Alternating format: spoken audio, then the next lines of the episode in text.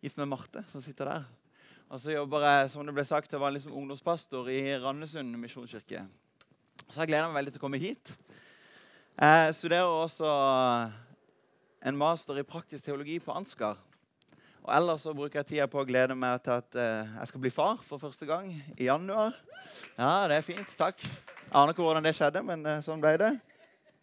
Men jeg har gleda meg veldig til å komme hit i dag. for jeg må jo bekjenne at jeg har aldri vært her. Og det er jo egentlig rart, for jeg føler jeg kjenner menigheten veldig godt. Når jeg sitter på kontoret med Torunn og Stein og Kristin, så føler man på en måte at man vet litt hva som skjer, selv om jeg aldri har vært her. Og da er det ekstra fint å komme. Nå har jeg litt kjennskap, så takk for invitasjonen.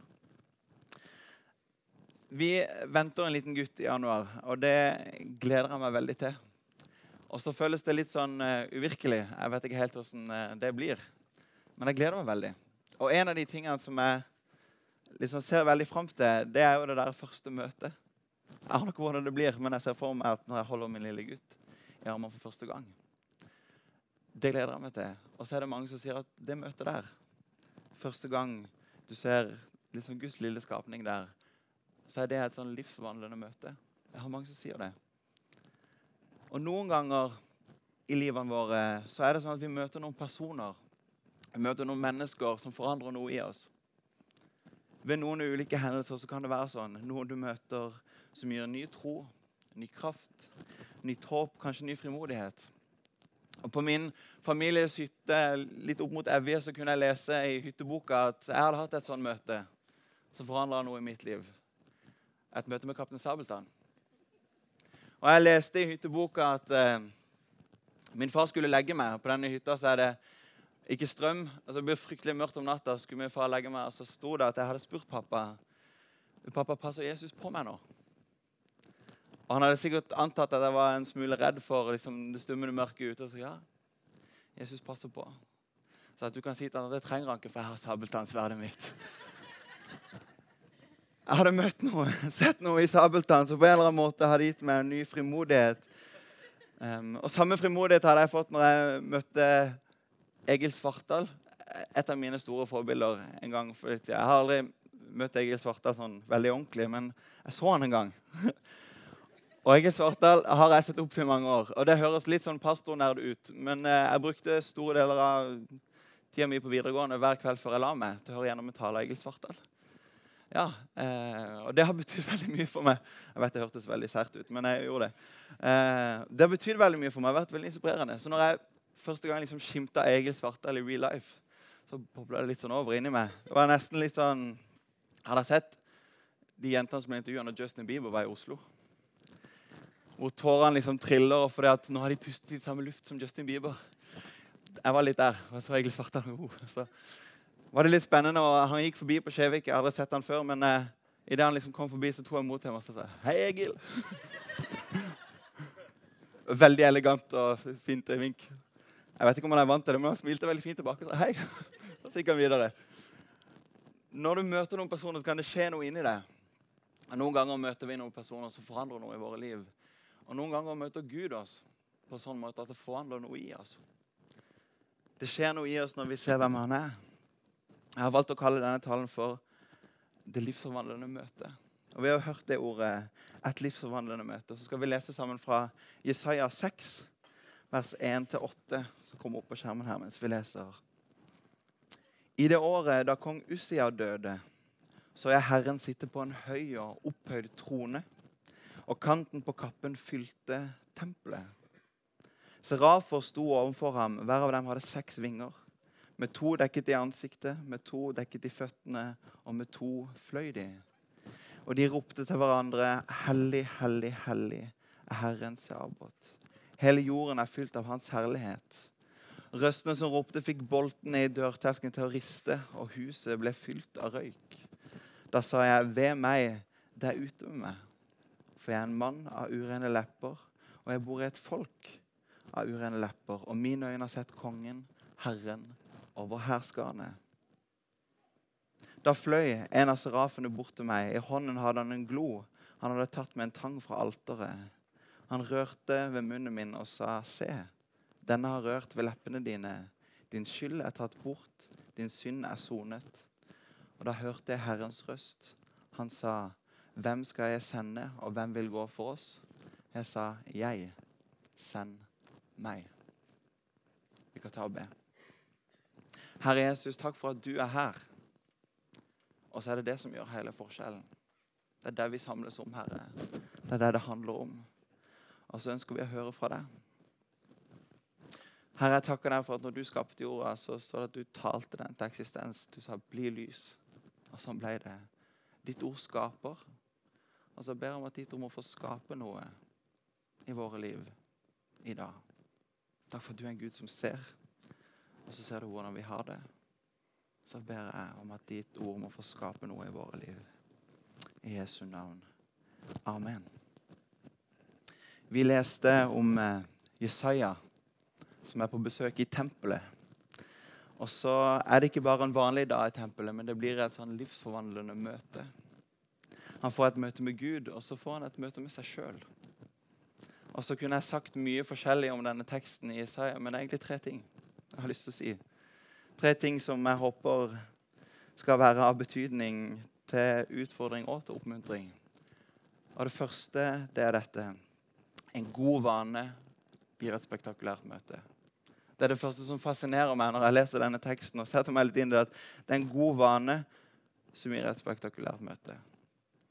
Vanene våre er viktige, og kanskje litt viktigere enn vi tror. Vi vet og vi ser det overalt hvor vi beveger oss, at liksom, tren nok. Ha en vane av trening, så får du en sunn kropp. Spis, spis godt, så får du sunn kosthold. Det vi gjør, det påvirker oss.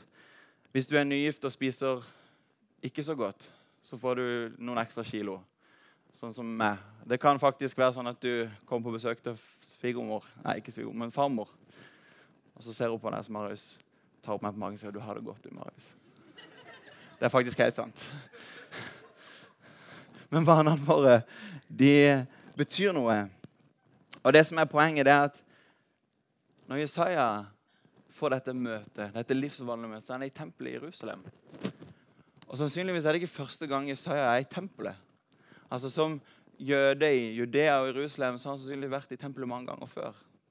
En jøde gikk gjerne til tempelet eller synagogen i hvert fall hver sabbat. Liksom minst. Og så er det i denne rytma av å gå fast til tempelet. Det er da det skjer.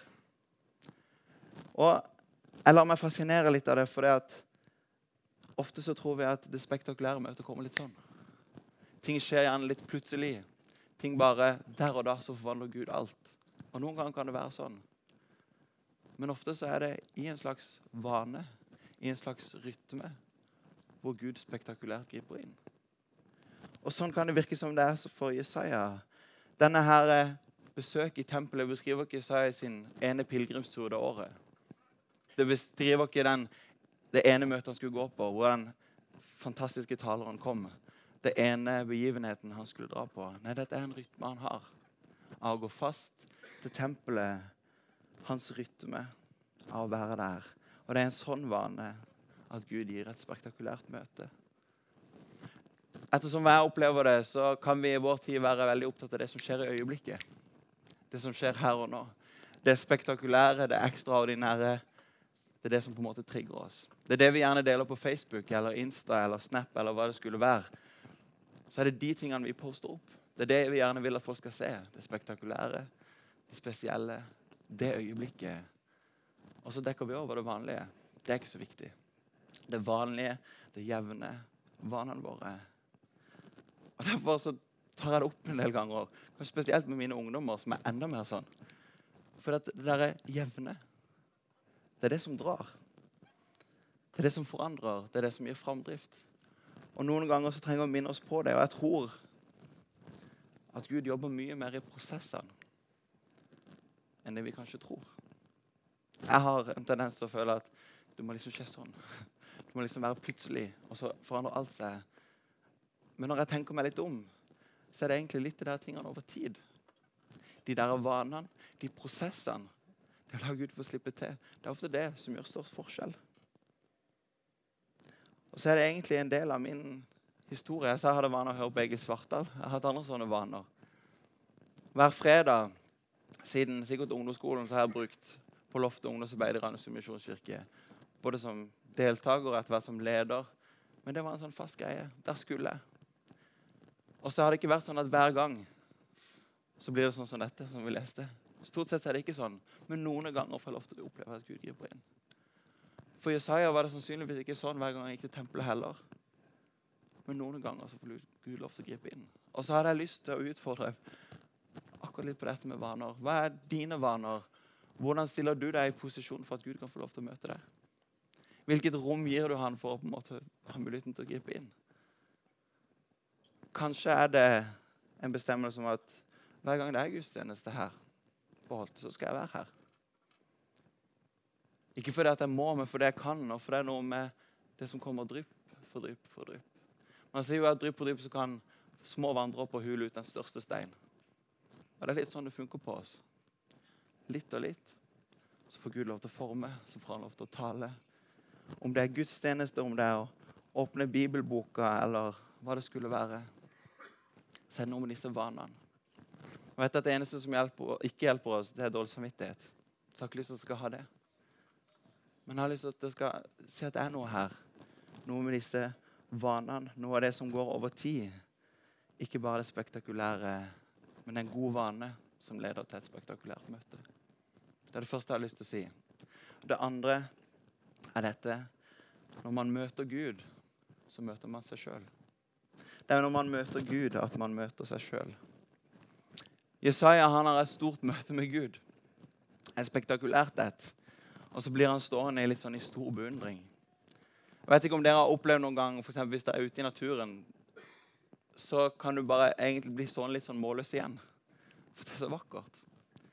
Jeg brukte et halvt år på det som heter DTS, eller disippeltreningsskole på Hawaii. Og solnedgangen på Hawaii den er litt sånn bestående. Så jeg vet ikke hva jeg skal si, for det er så vakkert. Skaperverket kan noen gang ta ordene fra oss. Og her møter Jesaja skaperen sjøl, og han aner ikke hva han skal si.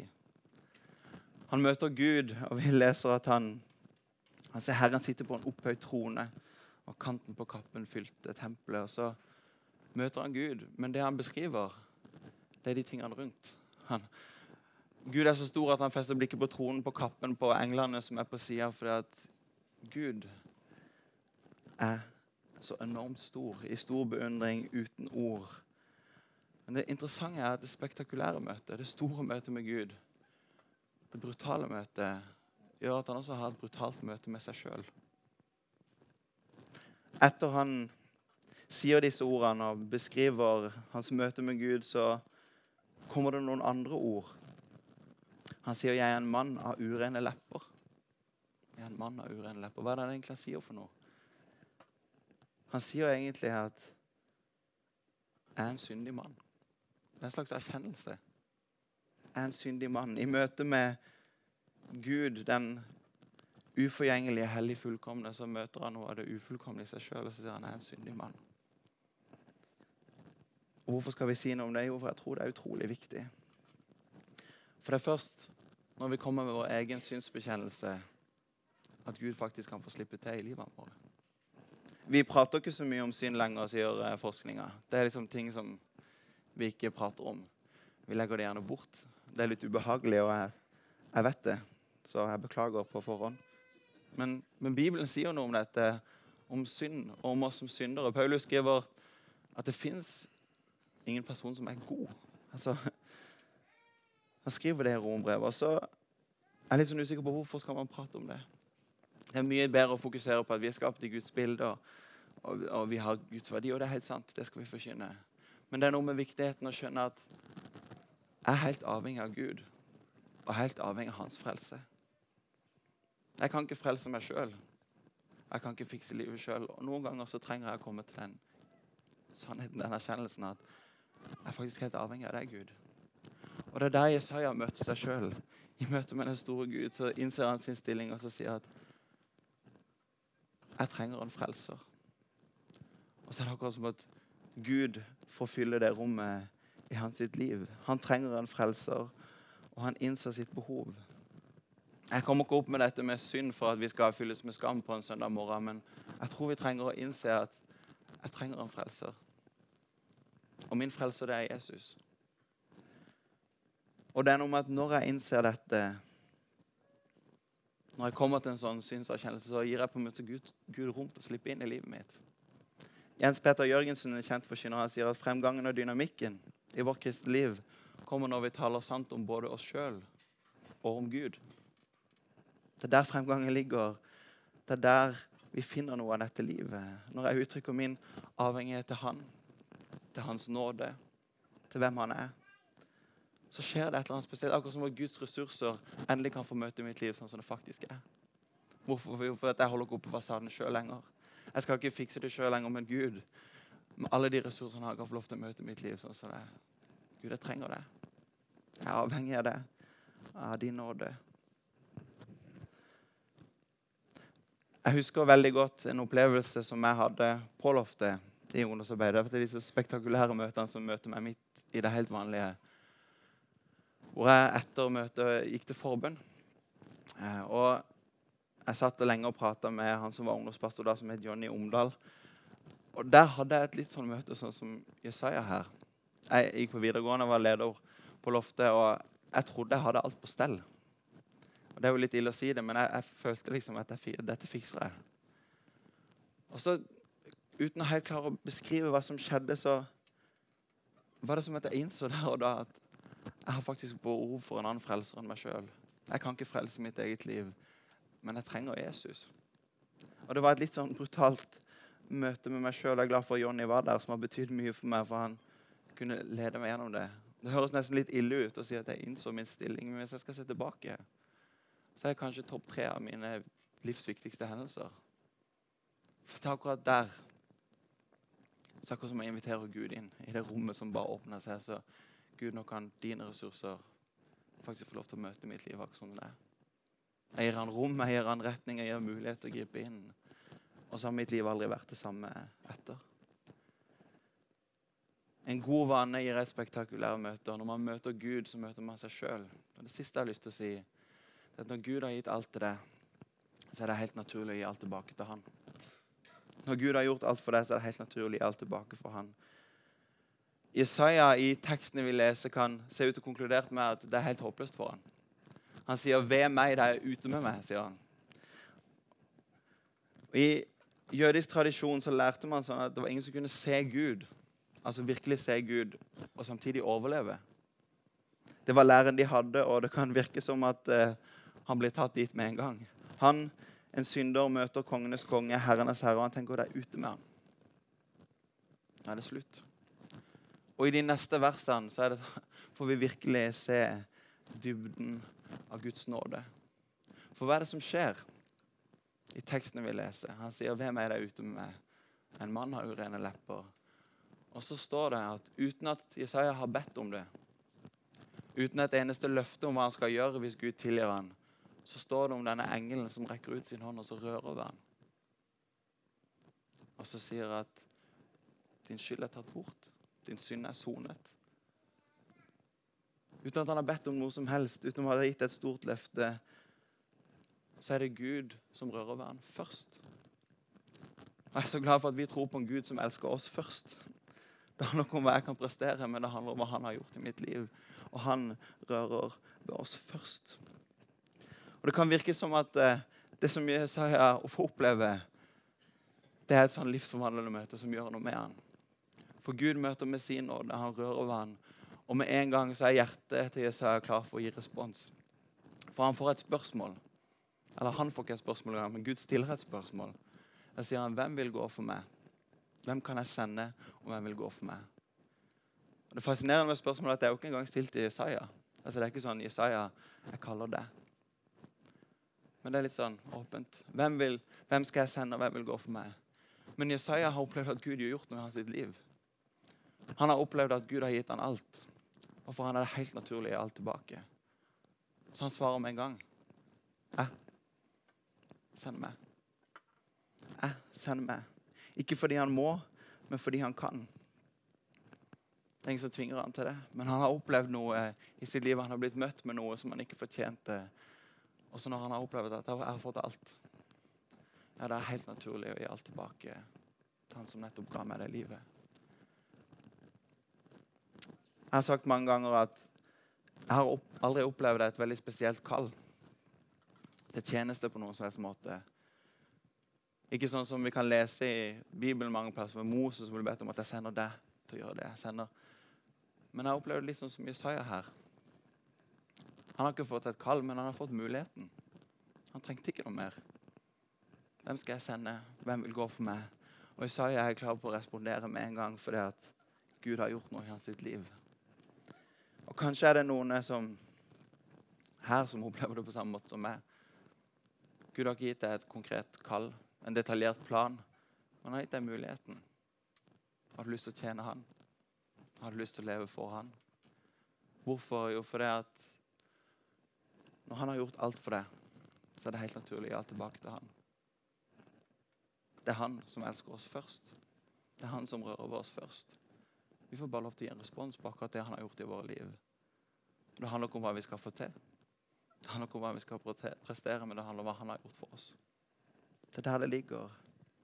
Møtet med Guds storhet, med Hans nåde, det forvandler Jesaja. Ikke til å ta seg sammen, men til å leve i denne responsen.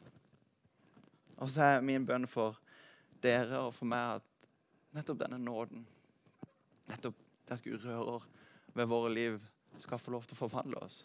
Skal få lov til å gjøre noe i livet vårt, så vi kan leve i en slags respons på nettopp den nåden. På den kjærligheten. For han har gjort alt for deg, så det er helt naturlig alt tilbake til han. Jeg vet ikke hvor dette lander hos deg. Kanskje du kjenner på at eh, jeg trenger å gjøre noe med de der vanene. Den vanen av å komme til gudstjeneste eller å skulle lese noen vers i denne boka en gang om dagen. Eller på en eller annen måte stille deg i en posisjon sånn at Gud kan få lov til å møte deg. Lag et rom der. En vane, et rom hvor Gud kan få lov til å gripe inn. Hvor du stiller deg tilgjengelig. Kanskje du kjenner som Jesaja at jeg er ute med meg. Kanskje høsten har vært prega av noe feil. Noen ting som du ikke skulle ønske var skjedde. Noen nederlag, noen tap, noen sår. Og så trenger du at Gud rører over akkurat det. Med Hans nåde, med Hans kjærlighet. En ny start. Og Kanskje du trenger samme spørsmål som Jesaja. Hvem kan jeg sende, og hvem vil gå for meg? Og Gud ikke har gitt deg et konkret plan, et detaljert oppdrag.